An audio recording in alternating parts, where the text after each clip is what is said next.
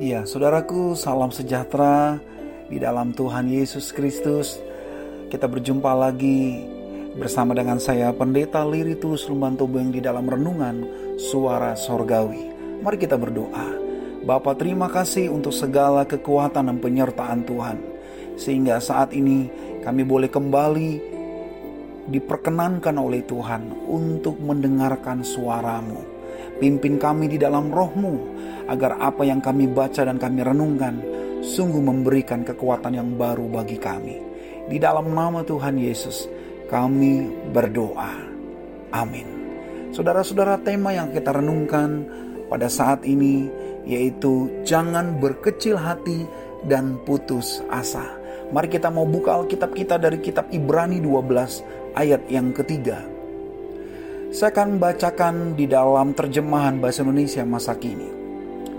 Coba pikirkan bagaimana sengsaranya Yesus menghadapi orang-orang berdosa yang melawannya dengan begitu sengit.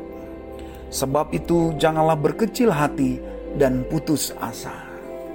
Saudaraku, putus asa adalah suatu sikap atau perilaku seseorang yang menganggap dirinya telah gagal dalam menghasilkan sesuatu harapan dan cita-cita. Dan biasanya ia tidak mau kembali lagi untuk berusaha yang kedua kalinya. Dalam ilmu psikologi, putus asa adalah kondisi kejiwaan yang merasa dan menganggap bahwa apa yang diinginkan tidak akan tercapai atau kondisi batiniah yang menganggap adanya kesenjangan antara apa yang diinginkan dengan apa yang dialaminya.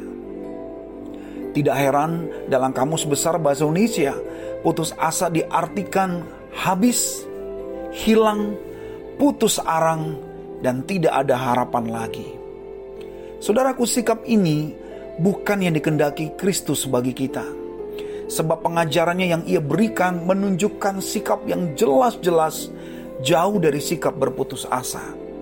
Karenanya orang-orang Ibrani saat mereka dalam perantauan dan mendapatkan tekanan dan aniaya karena iman, mereka diminta untuk melihat kepada apa yang Tuhan Yesus lakukan dan bagaimana dirinya melewati segala rintangan dan penderitaan, tetapi ia tetap setia dan menjalani semuanya sampai selesai. Artinya, bagi Kristus sesulit apa pun keadaan kita, yang terpenting bukan berat atau kecilnya persoalan, tapi bagaimana kita mau tekun dan berusaha, berjuang dan bangkit, dan mau menyelesaikannya sampai tuntas perjuangan akan membuat hati kita menjadi besar dan bukan mengecil.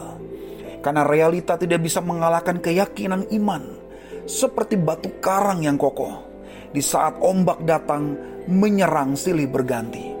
Sebab itu, kuatkanlah tangan yang lemah dan lutut yang goyah, dan luruskanlah jalan bagi kakimu, sehingga engkau tidak terkilir, tetapi malah menjadi sembuh.